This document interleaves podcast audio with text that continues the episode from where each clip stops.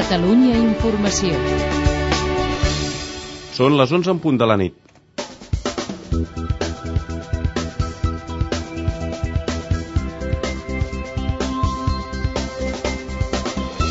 Almenys 80 morts i 250 ferits en una cadena d'atemptats a Bombay, a l'Índia.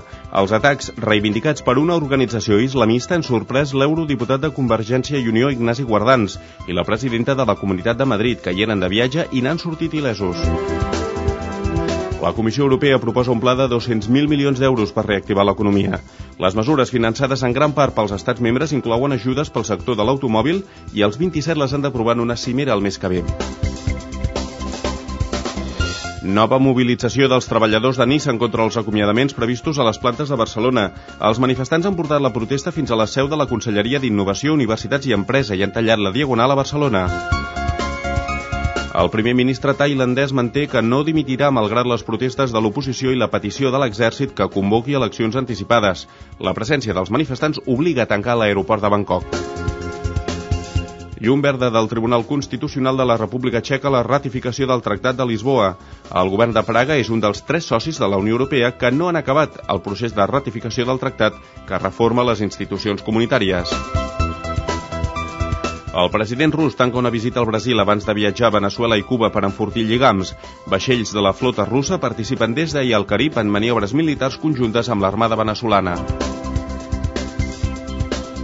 Catalunya registra la xifra més alta de naixements des de fa 30 anys, en gran part per l'arribada de la immigració en edat fèrtil que ha fet créixer la fecunditat en edat joves. 3 de cada 10 dels nadons nascuts l'any passat tenen un dels pares o tots dos estrangers. Un de cada tres accidents mortals de trànsit són per distraccions del conductor, segons un estudi del RAC. Petites distraccions com contestar una trucada o encendre un cigarret multipliquen per 6 les possibilitats de tenir un accident. Tarragona estrena el primer simulador de conducció de camions i autobusos de Catalunya. La instal·lació permet reproduir de manera virtual situacions de risc al volant. I pel que fa al temps, cel serè i nit de rigorós hivern amb glaçades generalitzades que poden ser intenses en algunes àrees interiors i del Pirineu. No arribaran a la costa o hi arribaran de forma molt localitzada. La tramuntana es mantindrà amb alguns cops forts al nord de la Costa Brava.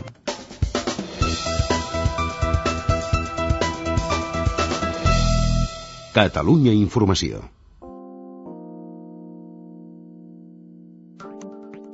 Catalunya nit, amb Lluís Urpí. Hola, molt bona nit a tothom. Ara passen pràcticament 3 minuts de les 11 i comencem el Catalunya Nit de Catalunya Informació parlant del que ha passat a Bombay, a l'Índia, en una cadena d'atemptats ha sorprès una delegació del Parlament Europeu encapçalada pel català Ignasi Guardans, amb qui hem pogut parlar fa uns minuts. Aquest és un fragment del seu testimoni. El nostre hotel, on, on ja està allotjada tota la delegació parlamentària i on en aquest moment hi ha uns quants diputats i funcionaris, doncs està ocupat per terroristes, hi ha hostatges, hi ha hagut explosions a dintre de l'hotel, hi ha hagut trets des de fa unes quantes hores. De seguida podreu sentir la conversa que hem mantingut amb ell, amb Ignasi Guardans de la delegació europea. Només hi ha un funcionari ferit lleu, però els atemptats han fet desenes de morts. Parlarem també de política catalana, i és que si algú en tenia algun dubte després de la conferència d'ahir, avui Josep Lluís Carles Rovira ha deixat clar en declaracions al matí de Catalunya Ràdio que no pensa llançar la tovallola i que aspira a tornar a ser el candidat d'Esquerra. Des de l'entorn de Puigcercós han dit a aquesta casa que l'actitud de l'expresident d'Esquerra és legítima, però és un error. Avui a l'Espai Mig Quart en parlarem amb la diputada d'Esquerra Republicana Republicana de Catalunya al Parlament, Marina Llançana. I a la tertúlia més comentarem l'actualitat amb els periodistes Neus Tomàs i Iñaki Ellacuria. I abans de dos quarts de dotze arriben els esports amb Jordi Castanyeda. Jordi, bona nit. Hola, bona nit. Avui hem de parlar del Barça i de la Champions. El Barça passarà primer perquè ha guanyat el camp de l'Sporting de Portugal per 2 a 5 amb gols d'Henry, Piqué, Messi, Caneira en pròpia porta i Boyan de penal. El Barça, com us dèiem, per tant, el fet de ser primer li facilita que la tornada de l'eliminatòria de vuitens de final la tingui a casa. Amb els resultats d'avui, a la Lliga de Campions també passen a vuitens de final l'Atlètic de Madrid, el Liverpool i l'Inter de Milà, però en l'última jornada sabrem si passen com a primers o com a segons de grup. I en bàsquet, el serial Mensa Bonso avui ha tingut un nou capítol finalment s'ha sotmès a les proves. Els metges del joventut han reconegut el jugador i han constatat que encara no està en condicions de jugar, que encara es manté de baixa per la lesió que té a l'espatlla i per tant la setmana vinent decidiran si aquest jugador continua amb l'equip o no. Molt bé, gràcies Jordi, fins després. Fins després. I ja sabeu que ens podeu fer arribar els vostres correus a l'adreça del programa catalunyanit arroba catradio.cat.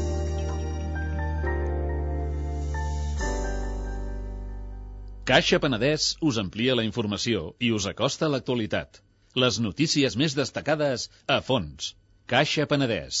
Persones al servei de persones. Ara passen 5 minuts de les 11. Una organització islamista anomenada Dekan Mujahideen s'ha atribuït la cadena d'atemptats que han fet 78 morts i 200 ferits a la ciutat índia de Mumbai. Un dels atacs ha afectat un hotel on els agressors retenen una quinzena d'hostatges occidentals i on ha començat un incendi fa uns instants.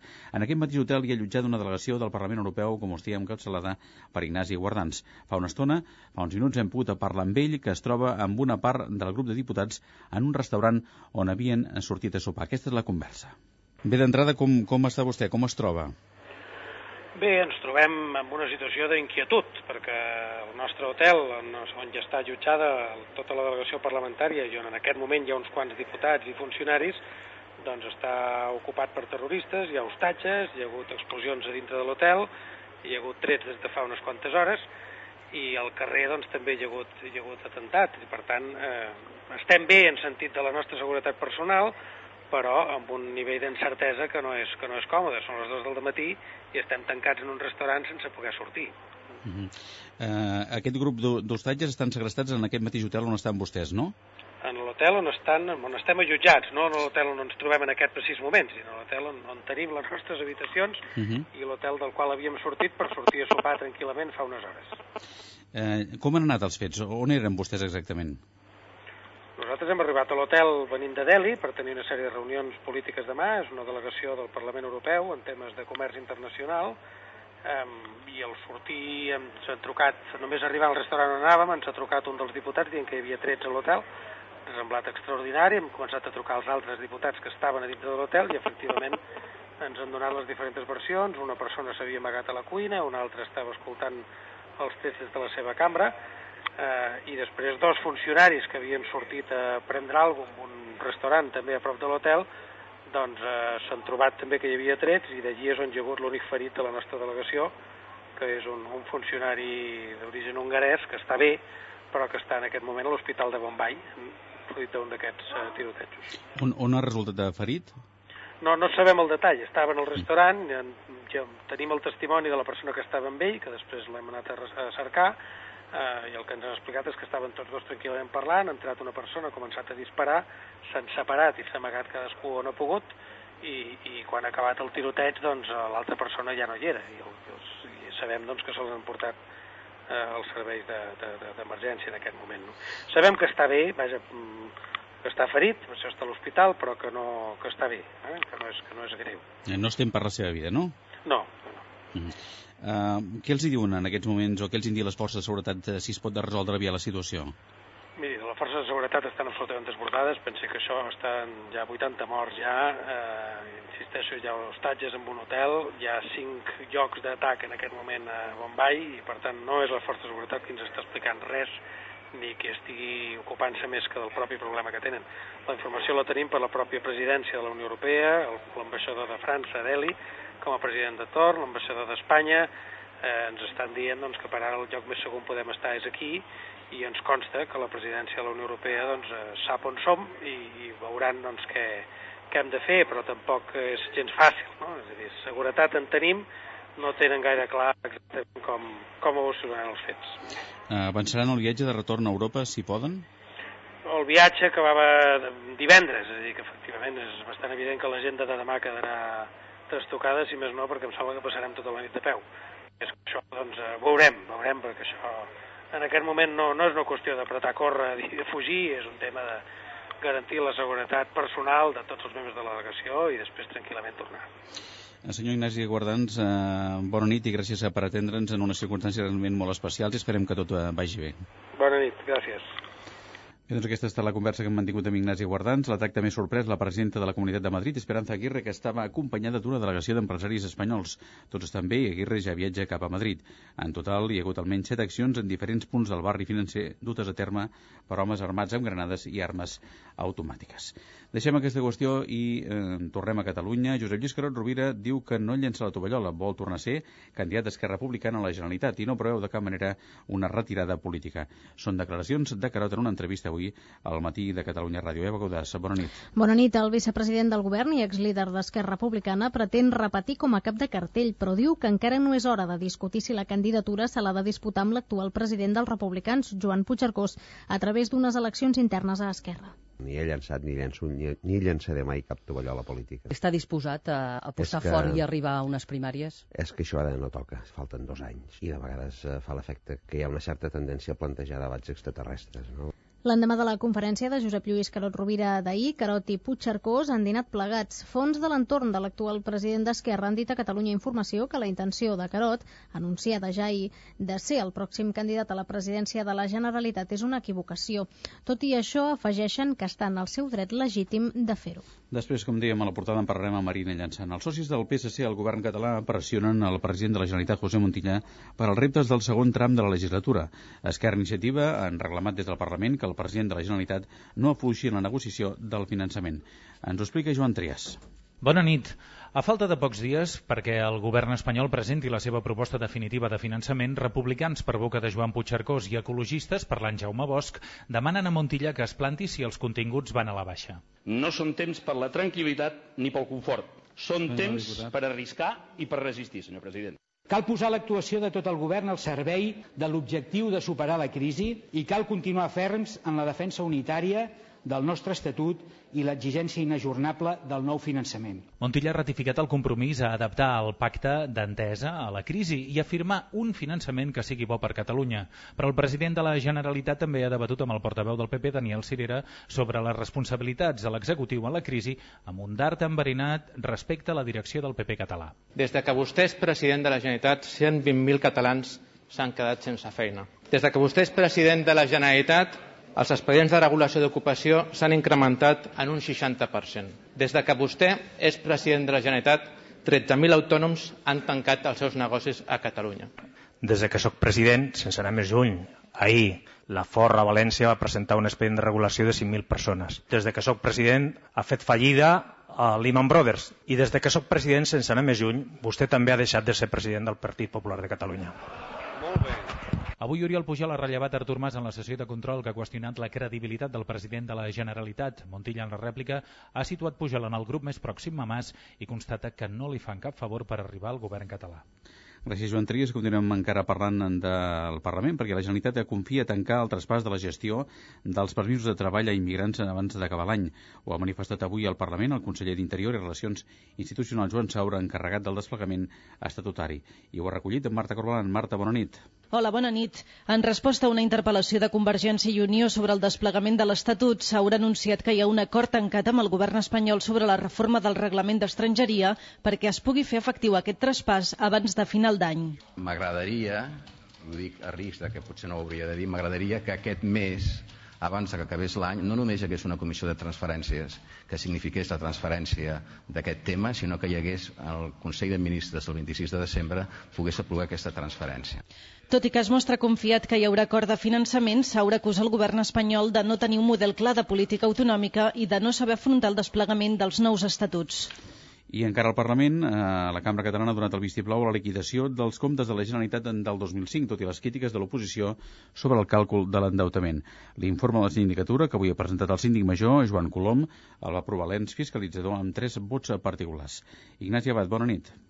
Bona nit. Els vots particulars de 3 dels 7 membres del ple de la Sindicatura de Comptes il·lustren les reserves que hi havia al si de l'organisme fiscalitzador sobre si la Generalitat va sobrepassar o no el límit d'endeutament l'any 2005. L'informe presentat avui a l'hemicicle pel síndic major Joan Colom constata que el govern no es va extralimitar en l'endeutament i va complir el pla de sanejament aprovat el 2004.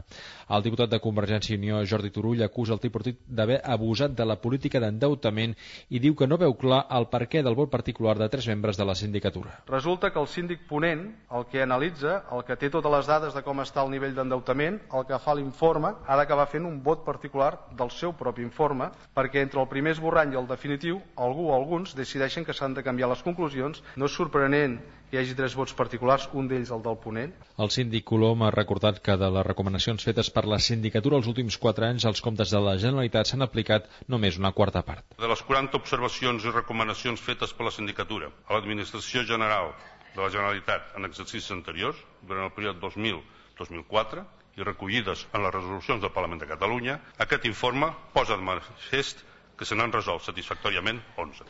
La diputada del Partit Popular, Àngel Zola, no ha recollit aquesta observació justament per demanar una nova llei de la Sindicatura de Comptes on les recomanacions de l'ENS en els seus informes fiscalitzadors no caiguin en sac foradat. Gràcies, Ignasi Abad. De més qüestions, l'expresident de la Generalitat i del PSC, Pasqual Maragall, reclama la convocatòria d'un referèndum si el Tribunal Constitucional retalla l'Estatut. Durant una conferència persona, Maragall ha explicat que si ha votat un text i el toquen, encara que sigui una coma, només queda l'opció de confirmar-lo de nou per qüestió de principis.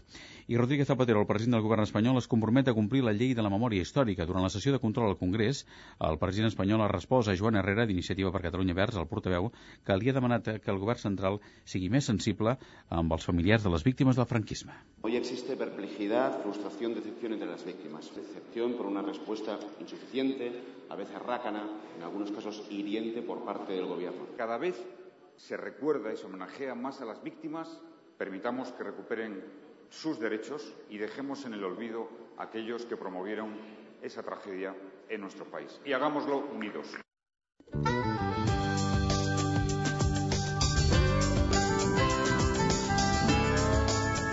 Mig quart.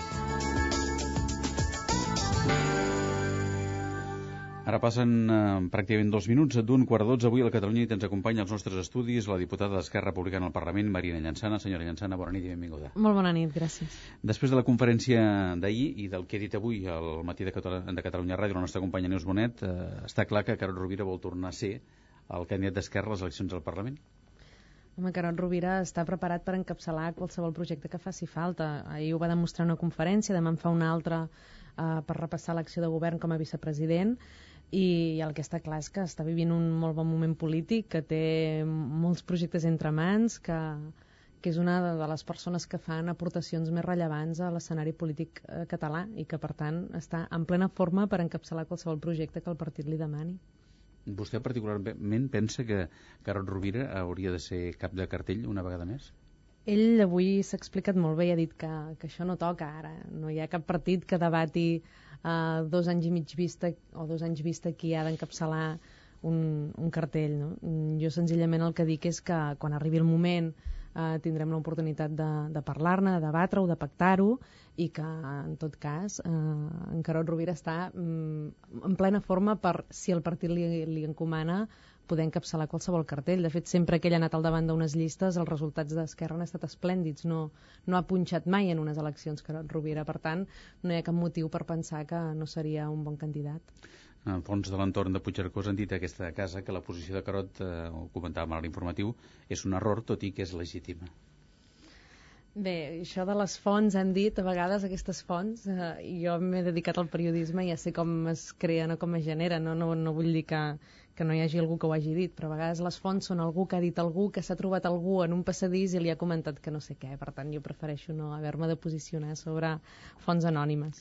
Pensa que serà possible eh, un pacte entre Puigcercós i Carot sobre aquesta qüestió i que, per tant, no hi haurà primàries d'Esquerra Republicana sobre aquesta qüestió? Perquè vostè deia, és molt aviat eh, per parlar d'aquest de, debat o, o d'aquesta qüestió, i el mateix Carot ho, ho ha dit avui a aquesta casa, però clar, ell amb, aquestes conferen amb aquesta conferència, amb aquestes declaracions, d'alguna manera obre el debat, no?, per entendre'ns. Bueno, de fet, ell està mm, ara mateix eh, situat sota una immensa lupa en què qualsevol cosa que digui o, o doni a entendre eh, ja automàticament és interpretada, reinterpretada, treta de context, distorsionada, amplificada. Per tant, mm, en el text literal de la conferència el que va dir no va dir en cap cas el que avui eh, s'interpreta en els mitjans de comunicació que va dir. Això primer, com a, com a prèvia. Després, sobre, sobre les primàries, jo crec que mm, tothom a Esquerra eh, és molt conscient de les conseqüències negatives que podria, que podria portar a haver de fer un, unes primàries. És un procés que els estatuts del partit contemplen, a diferència dels altres partits, en el nostre tothom, qui, qualsevol militant que es vulgui presentar i que obtingui un mínim d'avals pot eh, presentar-se per, per ser cap de cartell i són els militants els qui decideixen qui és el millor candidat a, en cada un dels comicis electorals. Per tant, és un procés que es pot obrir en qualsevol moment perquè el nostre partit així ho permet. Ara bé, eh, tots em sembla que som conscients que, que això no ens ajudaria no? i que segurament eh, a les portes d'unes eleccions uh, una confrontació entre dos o tres o quatre candidats, els que siguin d'Esquerra per encapçalar una llista, això el que faria seria debilitar el projecte polític d'Esquerra de, a les urnes. I, per tant, com que som conscients dels perills, i ho som tots, jo crec que hi haurà un acord perquè sigui qui sigui el candidat, eh, sigui l'únic que, que es presenti, per tant, puguem evitar unes, unes primàries que podrien generar aquesta sensació de divisió interna que no ens convé gens. Uh -huh. Algunes veus havien apuntat eh, això, algun, algun mitjà de comunicació especulat que un possible pacte podria passar perquè Puigcercós fos el cartell electoral i Carot fos el candidat de la formació d'Esquerra Republicana a presidir el Parlament. Ui, no, no, a mi no em consta eh, que hi hagi hagut eh, cap eh, proposta d'aquest tipus de, en cap sentit, però estic convençuda que no n'hi ha hagut cap de proposta.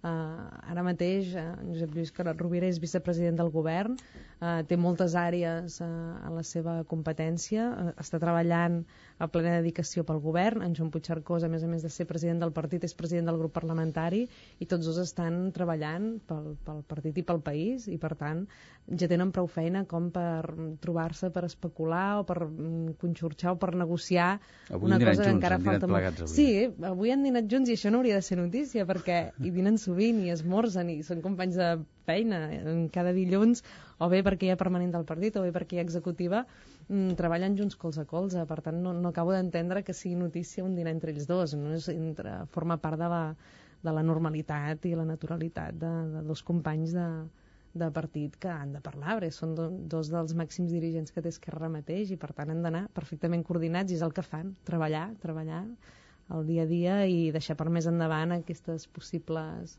acords o negociacions. Però aquesta hipòtesi com la veuria vostè? És viable, això? Mm, no, és, no és un escenari que, que a mi m'agradi especialment, però en tot cas la meva opinió personal no interessa ni els dirigents de, del partit que s'hauran de posar d'acord, ni molt menys els, els oients de Catalunya Informació. Com, com veu la nova direcció d'Esquerra Republicana encapçalada per Joan Puigcercós i Joan Ridao? Doncs és una, una direcció que, fet, és la direcció que, que va escollir la militància i, per tant, no hi ha cap partit polític, ara mateix en l'escena catalana, que tingui una direcció que estigui escollida eh, per, de manera assembleària per tota la militància. Per tant, només això sol ja li dona una, una legitimitat eh, en relació a la resta de direccions dels altres partits que sovint es decideixen en un despatx, quatre persones fan un equip, fan una llista i, i queden nomenats. No? Aquí tots i cada un dels membres de la direcció han estat escollits pels militants en un congrés assembleari i això fa que siguin persones que, que tinguin plena legitimitat per desenvolupar els càrrecs que ocupen. Crec que és una, una direcció on hi ha eh, segurament per primera vegada una altra, una altra alta representació de dones, que això feia molta falta, Esquerra Republicana, que hi ha una mitjana d'edat molt jove, amb gent que, que comença, que no té massa experiència política, però que estan formats, que, que tenen molta capacitat de treball i que acabaran sent un equip molt, molt potent. I que això combinat, aquesta gent jove de nova incorporació combinat amb persones de l'experiència d'en de, Joan Ridau o dels que ja continuen perquè estaven en la direcció anterior, com l'Ernest Benac, que forma part de la direcció del partit, o en Jordi Portavella, o en Carles Bonet. És a dir, que hi ha una síntesi, em sembla, força equilibrada de persones amb experiència, gent jove que comença, jo crec que ens poden portar molt lluny. Parlant d'una altra qüestió, parlant del, del finançament, eh, tant des d'Esquerra com des d'Iniciativa, es diu al president Montilla que no afluixi en aquesta recta final de les negociacions. Com ho veuen? És que això és fonamental, és fonamental el finançament en la situació en què estem com a país i en què es troba el govern de la Generalitat. Si no hi ha un, un acord ràpid en el model de finançament, eh, ens serà molt difícil poder fer front eh, a les, als problemes més immediats que, que tenim com a país. S'ha posat sovint un exemple sobre la taula que em sembla que és prou il·lustratiu i prou gràfic, que és l'aplicació de la llei de dependència. Mm, estem en una situació molt crítica perquè no tenim diners per complir la llei i passa en molts altres àmbits, en molts altres casos. Ara hem hagut, estem en fase d'aprovació d'uns pressupostos de la Generalitat on és evident que no arribem a tot arreu i que hi ha molts dels compromisos que, que havíem adquirit com a govern, que haurem de posposar un any o, o, o mig, uns mesos, fins que no arribi aquest nou model de finançament en Madrid. Mm, D'altra banda, el que és ja, a, a banda de perquè necessitem els diners, eh? el que és, em sembla ja intolerable és que el govern espanyol en segueixi prenent el pèl. Ja és un atac frontal i directe a la dignitat de, del govern de Catalunya que ha estat escollit democràticament i que veu com eh, governi qui governi a Madrid, sigui del color polític que sigui, sempre deixa Catalunya a la cua, encara que ho digui la llei, al cap i a la fi l'Estatut és una llei orgànica espanyola. Per tant, mm, prescindeixen del que diu la llei, prescindeixen de la paraula donada, eh, una mentida rere l'altra, un incompliment rere l'altre, ja no és només perquè necessitem els diners i els necessitem per, per poder ajudar els empresaris que ho passen malament, per poder eh, fer, eh, tirar endavant la llei d'educació i poder aplicar en condicions econòmiques per poder tirar endavant el pacte per la innovació, sinó que ja és també una qüestió, com deia, de, de dignitat. Mm. És el que ens pertoca i el govern espanyol ha de complir la llei. Pensa, vostè parlava de que s'ha d'arribar a un acord ràpid, es podrà complir aquest termini que van pactar els presidents doncs Els terminis ja han saltat pels aires tots, perquè no, primer... Aquest nou termini que hi ha, que és finals d'any. Eh? El, el, termini que, el termini que valia, que, que estava diguem, recollit en el text legal era el 9 d'agost i ja fa molts mesos que, que estem en una fase d'incompliment. I, I el president Montilla avui li han tornat a demanar en el ple del Parlament, justament avui, aquesta tarda, a, a la sessió de control i ell sempre, sempre, sempre ha anat dient que ell confia que el mes de gener del 2009 podrem aplicar ja un nou model de finançament. Per tant, queden pocs dies perquè el govern espanyol faci una oferta que sigui una oferta de veritat, que sigui una oferta que, que estigui a l'alçada i que puguem acceptar des de Catalunya.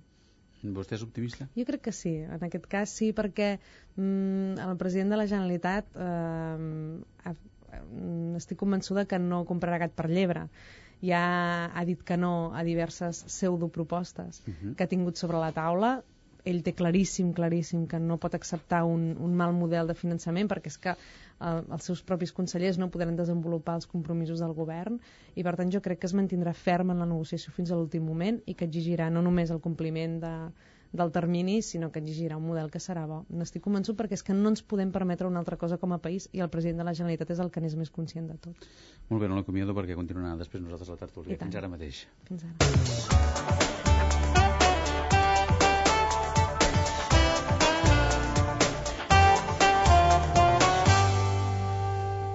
Poc més de dos minuts i arribarem al punt de dos quarts de dotze, és el moment dels esports, amb Jordi Castanyeda. Jordi, bona nit. Hola, bona nit, Lluís. Hem de començar parlant d'aquesta victòria del Barça.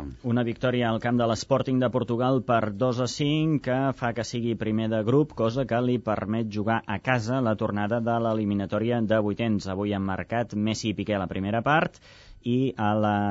Henry, perdó, i Piqué a la primera part, Messi, Caneira en pròpia porta i Boyan de penal a la segona. Pels portuguesos han marcat Veloso i Litson, que a la segona part han arribat a posar l'1-3 i el 2-3 al marcador. Guardiola, després del partit, n'ha fet el resum.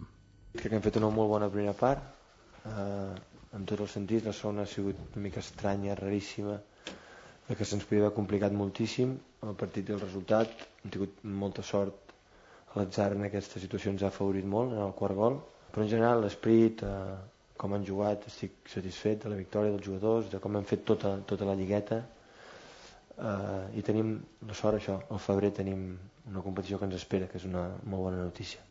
L'altre partit del grup del Barça, ja sense importància perquè els dos equips no tenen opcions, Shakhtar 5, Basilea 0. La resta de partits de la jornada, Atlètic de Madrid 2, PSV Eindhoven 1, Liverpool 1, Olímpic de Marsella 0, passen l'Atlètic de Madrid i el Liverpool, falta saber qui serà primer i segon. L'Atlètic de Madrid es juga aquest primer lloc al camp de l'Olímpic de Marsella, un camp on eh, trobarà un ambient infernal perquè recordem que en el partit d'anada hi va haver enfrontaments entre la policia espanyola i aficionats eh, marcellesos. El Liverpool viatja a Eindhoven. El grup de l'Inter de Milà, l'Inter ja està classificat, tot i que avui ha perdut 0-1 a casa contra el Panathinaikos. L'altre partit d'aquest grup, en Ortosis 2, Werder Bremen 2. I en el grup del Chelsea Girondins de Bordeus 1, Chelsea 1, Cluj 1, Roma 3. En aquest grup, Roma, Chelsea i Bordeus hauran d'esperar a l'últim partit per decidir qui passa com a primer i segon a vuitens. Ara parlem de l'Espanyol, que continua preparant el partit de diumenge contra l'Sporting de Gijón a la Lliga. Els jugadors s'han marcat aquest enfrontament com a punt d'inflexió i aquest dimecres han dinat junts a les instal·lacions de Sant Adrià. Un dels capitans de Nijarque explica que el tècnic, Tintín Márquez, està tranquil. No, lo veo tranquilo, él está trabajando igual que siempre. De la misma manera, preparando los partidos, eh, metiendo intensidad a los entrenamientos, trabajando tácticamente lo que tiene que trabajar. Eh, la verdad que lo veo lo veo metido como siempre, o sea, tranquilo eh, y, sabiendo lo que hace, que, al final es lo más importante. I en bàsquet, el DKB Joventut considera que el seu pivot Mensa Bonsu no està en condicions eh, de jugar malgrat el tractament que ha seguit als Estats Units per la lesió a l'espatlla. La directiva de la penya decidirà la setmana vinent si el jugador continua a Badalona. Molt bé, gràcies Jordi, fins després. Fins després.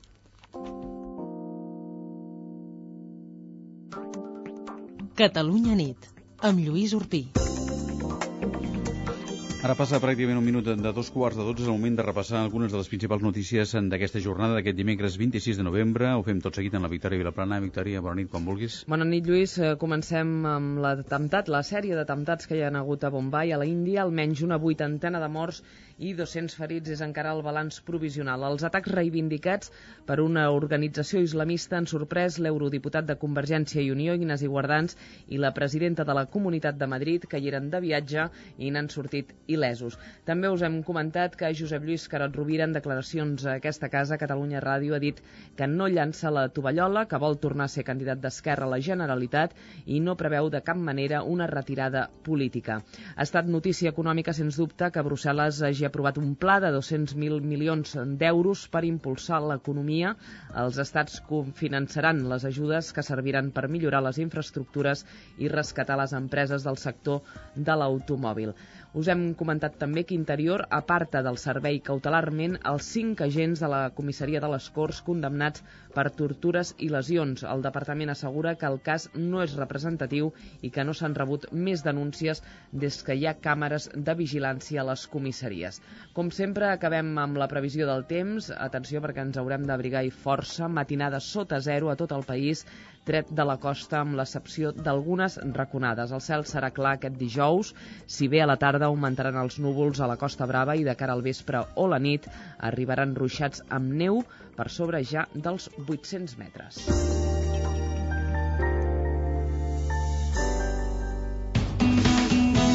Bona nit. El número premiat del cupó diari celebrat avui és el 12.557 12557. Demà, com cada dia, hi haurà un venedor molt a prop teu que reparteix il·lusió. Bona nit i recorda que amb el sorteig de l'11 la il·lusió es compleix. Geni de la llàntia meravellosa. Doctor, no sé què li passa. Vull un televisor. Pidola i pidola. Un ordinador. Tot el dia frega targetes de color verd. Unes vacances I fantàstiques. no és el primer. Unes maletes. És greu, què ets de fer? Comprar amb les targetes Visa de Caixa Penedès podrà pagar quan vulgui i, a més, guanyarà regals. Joan sortir va comprar. Targetes Visa de Caixa Penedès. Genials. Caixa Penedès. Persones al servei de persones. Catalunya nit. L'anàlisi de la política i els seus protagonistes a Catalunya Informació. Ara passen 3 minuts de dos quarts de 12, ja sabeu que ens podeu fer arribar els vostres correus a l'adreça del programa catalunyanit arroba catradio.cat. Avui a la tertúlia, com us dèiem, continuem nosaltres, Marina Llançana, i ens acompanyen els periodistes Neus Tomàs i Iñaki Llacúria. Bona nit i benvinguts. Bona nit. Bona nit. Bé, d'entrada volen comentar alguna cosa, algun aspecte del que ha dit Marina Llançana fa uns instants a l'entrevista? Bueno, jo crec que eh, ha demostrat perquè durant anys va ser portaveu d'Esquerra Republicana, no? Perquè fins Això m'ho he de prendre com un No, elogi. és, és un elogi, és un elogi, és un Gràcies, elogi. gràcies. Perquè sap, És tram, sap trampejar, no? Sí, sí, sí. No, i, I ara ja pot disparar. No, home, jo crec que ha fet una anàlisi de la situació que més dolça potser de, lo, de la realitat i el que no el que no es pot negar és que ahir la significació que tenia el, la conferència de- d'en Carot no? quan parla de refundar el partit i que vol, vol posar endavant està dient clarament no? que vol liderar Esquerra Republicana els pròxims anys llavors això bueno, has, has parlat de que eh, el perill que, eh, unes primàries però jo no sé fins a quin punt la relació entre Puigcercós i Carot és tan bona o tan dolenta perquè faci possible aquest, aquest pacte és el, el gran dubte que queda He de respondre jo, no? No, no, era una pregunta. és que em mirava a mi i dic, no, no, igual no, és és que no, que... no sabia si em preguntava. No, no, jo- en tot no, no, dic- és, és la, la seva opinió personal. Jo crec que, que es- hi ha hagut tendència per part de, dels mitjans de comunicació, això no vull culpabilitzar als mitjans ni, ni donar-los més responsabilitat de la que tenen en els processos interns dels partits, que ja són prou complicats. Però sí que mm, segur que coincideix amb mi que s'ha eh, generat una percepció a través dels mitjans de comunicació en funció de la qual eh, en Carot i en Puigcercós estaven tan enfrontats i tan enemistats que no es parlaven i això no ha estat mai així han sempre tingut una relació molt cordial, molt natural de companys de feina, de treballar colze a colze i per tant mmm, jo no veig que hi hagi cap impediment perquè, perquè arribin a un acord. No hi ha un impediment a nivell personal i tampoc hi és a nivell polític perquè és que ideològicament eh, estan en la mateixa línia, comparteixen exactament el mateix objectiu i no hi ha cap cap diferència. El que passa que un fa una conferència fa uns dies parlant de republicanisme, l'altre fa una conferència ahir parlant de refundar el partit. Sembla que, home, com a mínim no estan però, molt però coordinats en, en a l'hora... També, en això també estan d'acord, perquè quan en Carot parla de refundar el partit, el que està dient és que no podem confondre el partit polític amb una entitat, amb una associació, amb un grup d'amics que es troben per analitzar l'actualitat política. Som un partit eh, de govern, per tant un partit amb responsabilitats no només a la Generalitat sinó a molts ajuntaments del país i hem de començar eh, la militància, eh? hem de fer aquest pas endavant d'entendre que ser un partit de govern comporta una sèrie de, de, de gestos i una sèrie de responsabilitats. I ho deia més en aquest sentit, no? de, de fer el pas cap a la maduresa i de passar de ser el partit d'oposició que havíem estat sempre a ser un partit de govern. I en això hi ha plena coincidència entre tots els dirigents d'Esquerra. Sí, el que passa és que amb aquest mateix programa fa, no, no fa moltes setmanes, no, Lluís? Eh, hi havia el senyor Vendrell, uh -huh. que mhm. ha ocupat els càrrecs a Esquerra i tampoc jo ara no sé si té molta influència o no, però en tot cas és un dels referents, per exemple, per la militància, no? I, i ell, aquí mateix on està vostè asseguda, ens deia que personalment ell era partidari de que el senyor Puigcercós fos el, el candidat a, a les autonòmiques. Llavors, per la gent que ens pugui estar escoltant i que no està al dia a dia anant a les conferències dels, dels polítics o al Parlament o això, vist des de fora doncs, és una mica estrany eh, doncs això, que hi hagi un destacat dirigent que ja ara, quan en principi si no hi ha cap canvi falten dos anys per les eleccions, ja estigui qüestionant que sigui una altra persona el candidat i una persona de pes. Després, eh, podem mirar en la resta de partits, jo m'imagino que de moment eh, jo crec que ningú qüestiona el lideratge del Saura a iniciativa, tot i que s'hagi fet la, l'assemblea la, aquesta i s'hagin modificat càrrecs i tal, però no ha sortit ningú qüestionant públicament que en Saura no hagi de ser candidat. En el cas del PSC, pel règim que aplica el propi Montilla, però també per l'estructura aquesta de partit que deia vostè, no? Uh -huh. d'aquests quadres que es tanquen en un despatx i, i decideixen, doncs tampoc segurament ningú ho qüestiona. I en el cas del Mas, doncs és veritat que falten dos anys, però de moment tampoc públicament no ha sortit cap destacat dirigent qüestionant la figura del Mas. Per tant, per algú que sigui de fora, doncs eh, costa una mica d'entendre o, o jo crec que també costa d'explicar no sé com, com ho veu vostè. No, eh, I després una última cosa, abans a l'entrevista vostè deia això, no?, de les fonts, dels partits, això de les fonts, és cert, però és que aquestes fonts, no? en aquest cas, eh, les que citàveu aquí, no? properes a, a Puigcercós, s'han passat el dia avui dient una mica el, el que us han dit també vosaltres, no? de que és molt legítim però que consideren que és un error. Jo crec que aquestes fonts no parlen perquè sí, parlen per boca del Puigcercós i, i també és molt legítim, però, però i, els partits funcionen així, els mitjans també, i, i se'ls ha de donar una certa credibilitat perquè sempre que han parlat per boca del senyor Puigcercós eh, doncs estaven dient el que ell pensava, no?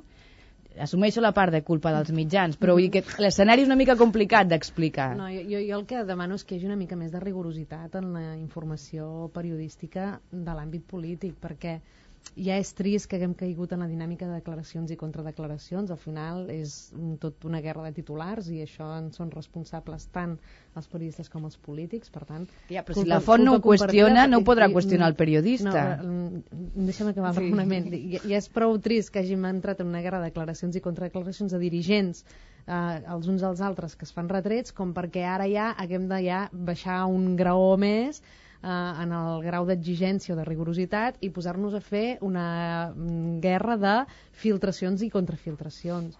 Per tant, mm, a mi m'agradaria, com, a, com a ciutadana, que mm, realment els mitjans de comunicació informessin d'allò que ha expressat en Joan Puigcercós i que ha dit ell personalment. Però el senyor que... Puigcercós, no, quan, quan fa sortir algú del seu equip o del seu entorn o, o és igual, del partit eh, per parlar, eh, per dir el, la seva opinió eh? mm, jo crec que, és a dir, ho fa conscientment i, i ho fa perquè li interessa, no? Algú que no deixa que es publiqui ni el nom ni el cognom, ni deixi que es, no ho sé, Però bueno, aquí, aquí que no, eh, no... el que està clar, a més també quan, quan va, es va anunciar les conferències d'en Carot es, es va comentar l'executiva d'Esquerra i molts comentaris no van ser molt favorables, però bueno, deixant a banda diguem, opinions o percepcions que el periodista veu al Parlament segons diguem, de quina tendència, entre cometes, són el que està clar és que aquí hi ha, hi ha, un, hi ha el partit doncs hi ha no, un problema, una divisió que no està, no està tancat després del Congrés. Eh, vostè ha parlat de pacte. Eh, però clar, el pacte suposem que en, en Josep Lluís Carrera Rovira si no és candidat se li tindrà que buscar una, una sortida digna a la seva trajectòria No, però és que en, en ens- cap cas ningú ha plantejat que el senyor Carod Rovira hagi de sortir d'enlloc. no sortir, dic, o, o per el senyor Puigcercós vull dir que el pacte és compli eh, no? Tothom entén que en les primàries potser no és la millor solució però el No pacte de ara perdre mateix és un no? escenari que és difícil d'arribar que no sé com És, és la seva opinió personal. Jo Sí, crec sí, que, sí, no, no, jo, dic- jo crec que sí que és possible i, i vaja, crec que ara mateix la majoria de dirigents de d'Esquerra mmm, posaria la mà al foc perquè, perquè hi hagués un, un acord que evités unes primàries, sigui qui sigui qui finalment vagi al davant. Mm, vostè creu que això és difícil? Jo que, si em permet, tinc una mica més de coneixement del Mhm. partit, crec que és possible i que és viable i que a més a més serà així. Aprofitant que la tenim aquí també, el, el dia que hi havia en Vendrell, vostè ha defensat el procés assembleari com un procés sa i, i fins i tot més democràtic, no? que, que tancar-se en un despatx i fer-ho a dit, però ell, per exemple, també era molt crític perquè deia que això dificulta molt les decisions i que fins i tot té un component d'injustícia, deia, perquè gent que potser ha treballat molt al territori i ho ha fet molt bé, doncs per unes decisions a vegades una mica aleatòries o, o simplement perquè potser se saben vendre millor que un altre, doncs acaba caient no, de la llista. Um, vostè creu que d'alguna manera s'hauria d'obrir algun tipus de reflexió mm, respecte al procés assembleari Mm. d'Esquerra? Sí, sí, sí, sí, estic d'acord, eh? No, no, no sabia què havia dit exactament en Xavier Vendrell, però comparteixo la reflexió que l'assemblearisme té mm, coses molt bones i molt positives i penso que les hem de preservar perquè és una de les coses que ens identifica com a partit, però a la vegada també té molts perills i, i genera moltes disfu- disfuncions i fa que a vegades no, no guanyi el que tingui més raó, sinó el que cridi més, no? el que alci més la veu. I, i, això també, i això també és injust. I jo crec que a l'últim congrés eh, es van cometre algunes injustícies amb la configuració final de, de l'actual direcció no? i no cal que posin noms i cognoms perquè segur que tots els oients ja tenen un nom al cap és injust perquè és veritat que a vegades persones que han hagut de prendre decisions impopulars perquè han tingut un càrrec de, de responsabilitat dins del partit doncs, eh, i ho han fet pel bé del partit l'assemblea no, no les entengui o no tingui prou informació i per tant acabin sent castigades injustament. Mm, és veritat que l'assemblea té, té aquests perills i que és veritat que Esquerra Republicana una persona que acaba de ser militant des de fa 3 mesos té exactament els mateixos drets que el president del partit. I pot intervenir en els mateixos fòrums i pot presentar eh, mocions per ser provades i pot eh, eh, fer preguntes i pot manifestar la seva opinió en veu alta jo crec que mm, això s'ha de, ha de tenir unes limitacions, és evident, eh? perquè mm, prova d'això és que no hi ha cap partit que funcioni així i si els altres partits ho han anat suprimint o abolint és perquè realment eh, els costava tirar endavant. Nosaltres de moment ens n'hem sortit i jo crec que mm, bueno, hem de poder mantenir, si més no l'elecció del president i el secretari general de manera assembleària, ho vam fer ara en l'últim congrés, ho vam fer la jornada abans de, del congrés presencial a través de- d'unes urnes i va tenir un índex de participació altíssim, per tant, mm, això vol dir Que que, hi ha altres fórmules, no? que hi ha fórmules que permeten mm, bueno, que es mantingui l'assemblearisme sense que eh, s'hagi de sentir només la veu del que més crida. Jo no vaig anar a la conferència, però tu, Iñaki, sí, Sí. que hi eres. Sí. Eh, és veritat que faltaven molts pesos pesants al partit? A... Home, sí, Ara diguem- sembla que li estigui fent l'entrevista amb ell, no? Sí, però com sí. que jo no, No, com que jo no hi era... I- i no, però jo no hi era i... No, i... diguem que... El senyor Puigcercós no hi era, no? Perquè era la manifestació. I el senyor Puigcercós... El senyor Benac tampoc hi era. Benac no hi era... portaveu tampoc, diguem, de diputats, mm, em sembla que cap. Deixa, ab- abans que continuï, deixi'm emmarcar la Ara ens conferència d'ahir. l'agenda de tots.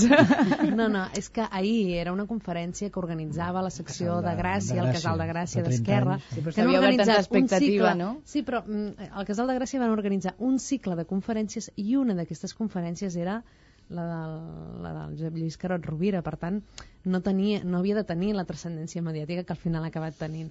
La, la conferència on hi haurà tots els càrrecs pesants del partit i alguns del govern serà demà, Demà. que mm. la farà eh, en tant que vicepresident del govern. Aquesta sí que és una conferència on Però- s'ha convocat, on s'ha convidat a la gent. Per cert, vaig a fer una queixa, no, no, ara semblarà surrealista, però tant, tant omplir-se la boca de la conciliació laboral i familiar, la, la, Sí. la conferència és a dos quarts de vuit del vespre. La d'ahir a les 8. Que, després, bueno, que després vull dir, hi ha gent que després això ho haurà d'escriure o haurà Sí. d'anar a fer la crònica o haurà d'enviar-ho a la Sí, tele o el però també sigui. hi han de poder assistir ciutadans que treballen i per No, tant ja, hi ja, han d'haver ja. plegat de treballar per després poder mm, anar Sí, no, no, però actes a mi, o de conferències. veritat, em sorprenen dues coses. I, però ja ho aprofito i ho dic, és veritat, perquè tant omplir-nos la, la boca de la conciliació, una aquesta, i dos, que no sé per què s'ha triat, vostè igual ho sap, per què s'ha triat la, la Torre Akbar per fer-ho. No, ho dic perquè... No tinc ni idea. Per, és que Però, era, no en no, tinc he idea, però, no, però no, mm, hi ha, hi ha algun problema. No, no, sí, no, que no, no, perquè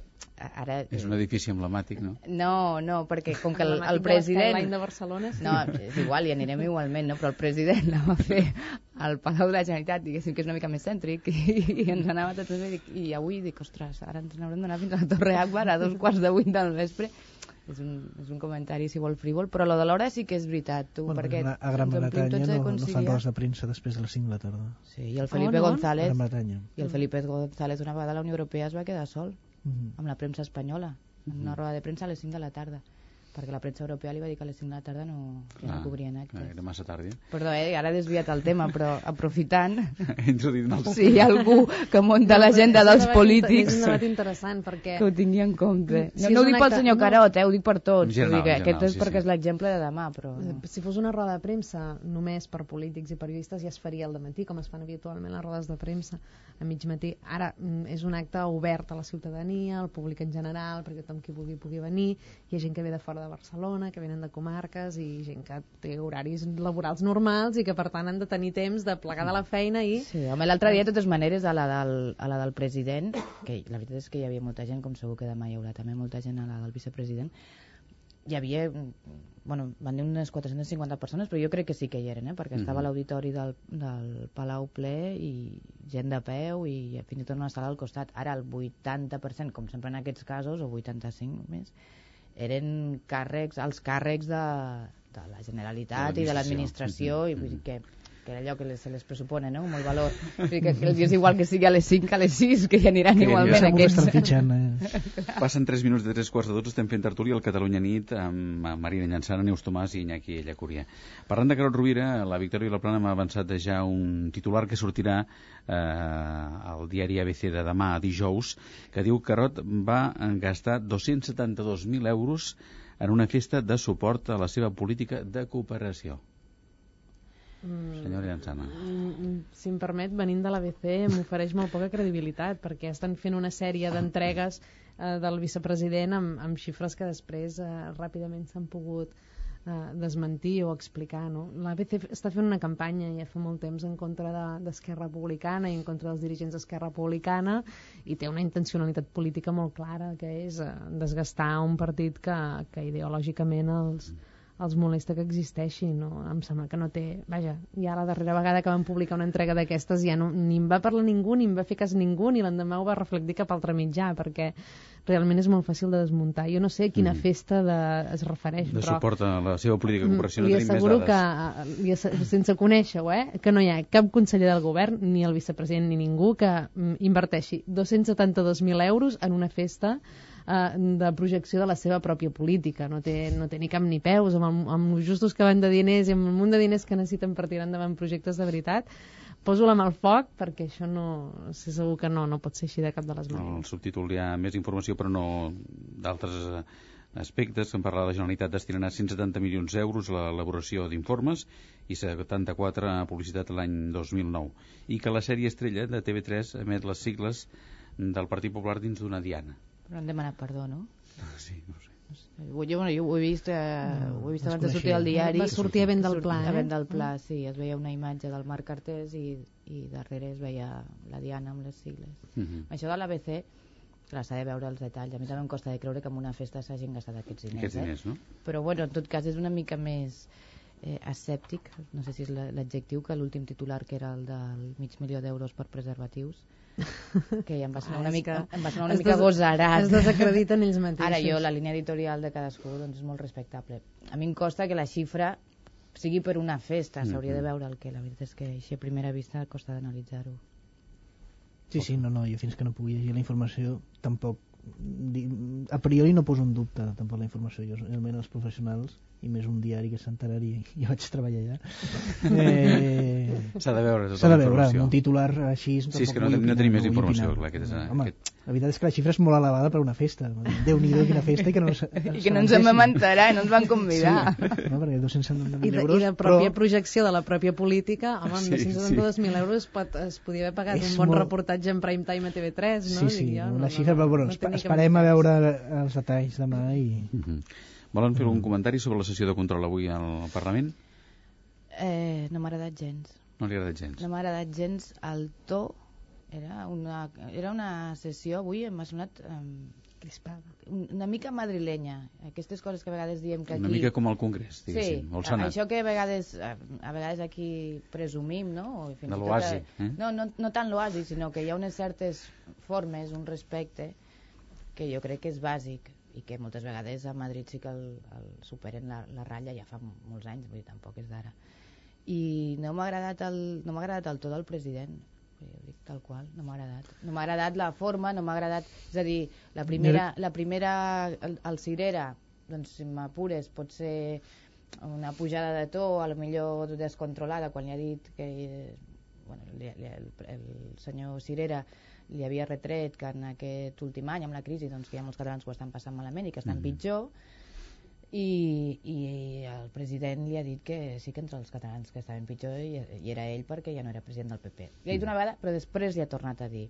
En el cas de, del senyor Rivera de Ciutadans, que és veritat que sempre està amb el mateix, que és la llengua i tal, però avui ha fet una pregunta que era com bastant correcta, no? Perquè li preguntava per la llei d'educació i, i li deia iniciativa anirà a manifestar-se contra una llei que està aprovant el seu govern. Bueno, jo crec que estava fent la seva feina. Sí. I el to també ha sigut el mateix. Vostè preocupis de la cohesió del seu partit. I després ha ningunejat a l'Oriol Pujol pel fet de que preguntava l'Oriol Pujol i no, i no el senyor Mas. Tot plegat ha sigut una mica desagradable que avui. eh, més em preocupa, més que el to, perquè ha estat desagradable sobretot amb, amb Cirera, és que les últimes sessions de control el president no, no, no, no, A part que no contesta. Sí, sí que t'anava a dir.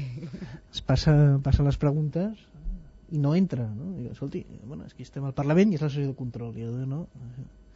Jo entenc que inclús no sé si el president el president Benac en la seva funció no tindria que en certs moments acotar una mica aquest debat perquè sobretot les preguntes, ah, després arriba la pregunta al PSC que és com si no fos una pregunta perquè ja és com li posen no, eh, eh, safata de plata i que les sessions de control en aquestes legislatures són molt descafeinades Però jo vaig viure l'època també de Pasqual Maragall com a president i, si em permet, responia molt menys del que respon Sí, però sortia el més de- president Montilla i l'anterior, el president Pujol, tampoc no, no era... Però home, el debat, per exemple, Piqué-Maragall donava més lloc.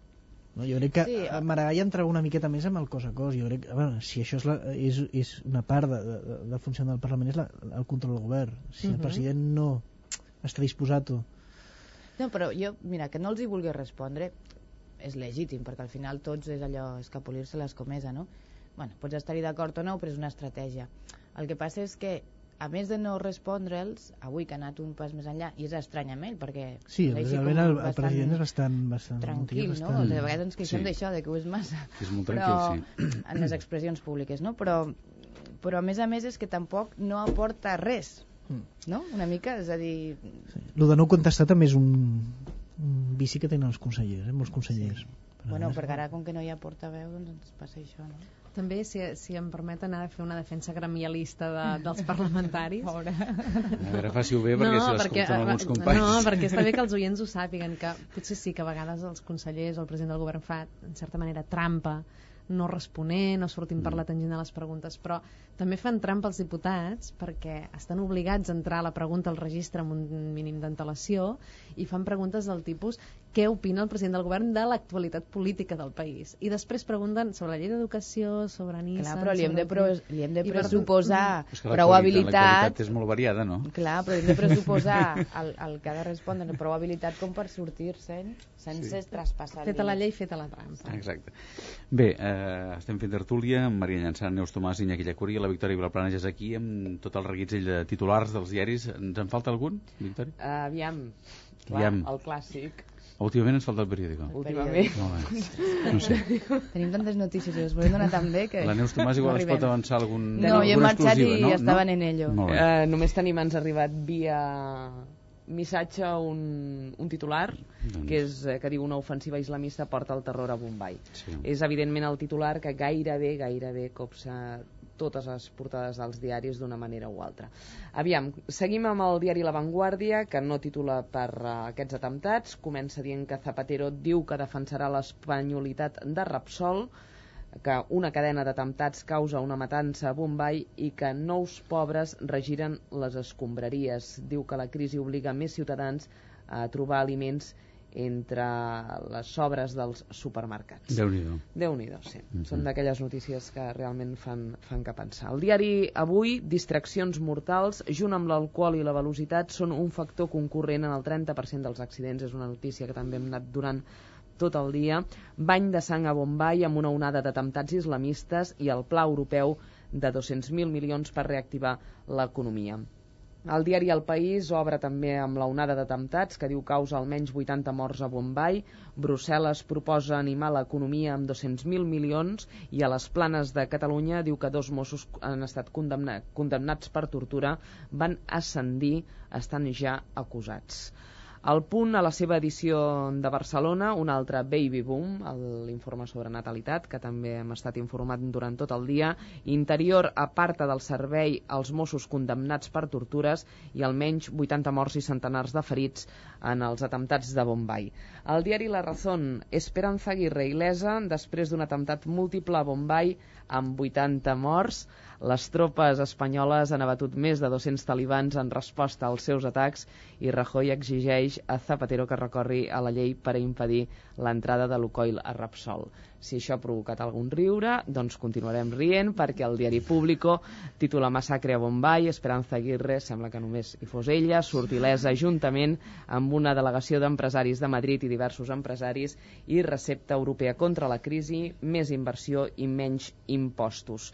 El diari ABC, Aguirre surt il·lesa d'una onada d'atemptats a l'Índia amb 80 morts, Carot va gastar 272.000 euros en una festa de suport a la seva política de cooperació i, atenció, la mesa sol·licitarà que Gallardón posi la placa aquí a Santa Maravilles. Molt bé. Volen fer ràpidament algun comentari, algun titular? Perquè estem pràcticament fora de temps de la tertúlia.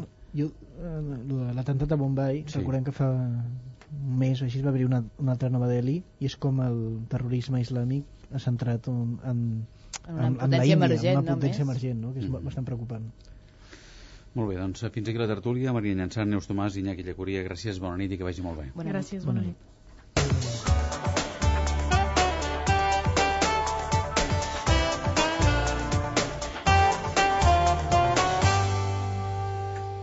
I ara els esports amb Jordi Cassanyada. Jordi, bona nit. Hola, bona nit, Lluís. Recordem alguns marcadors i reflexió.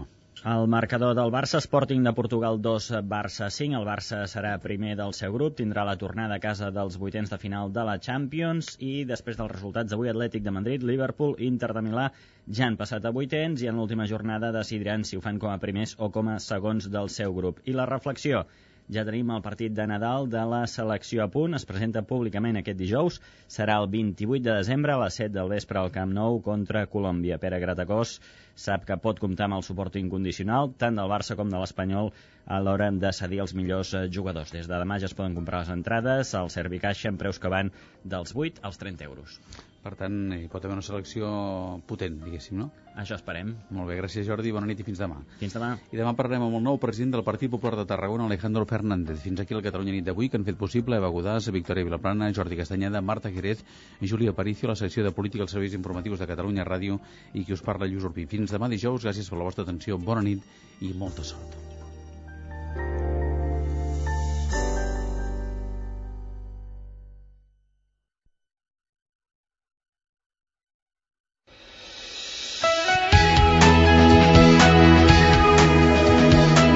Catalunya Informació.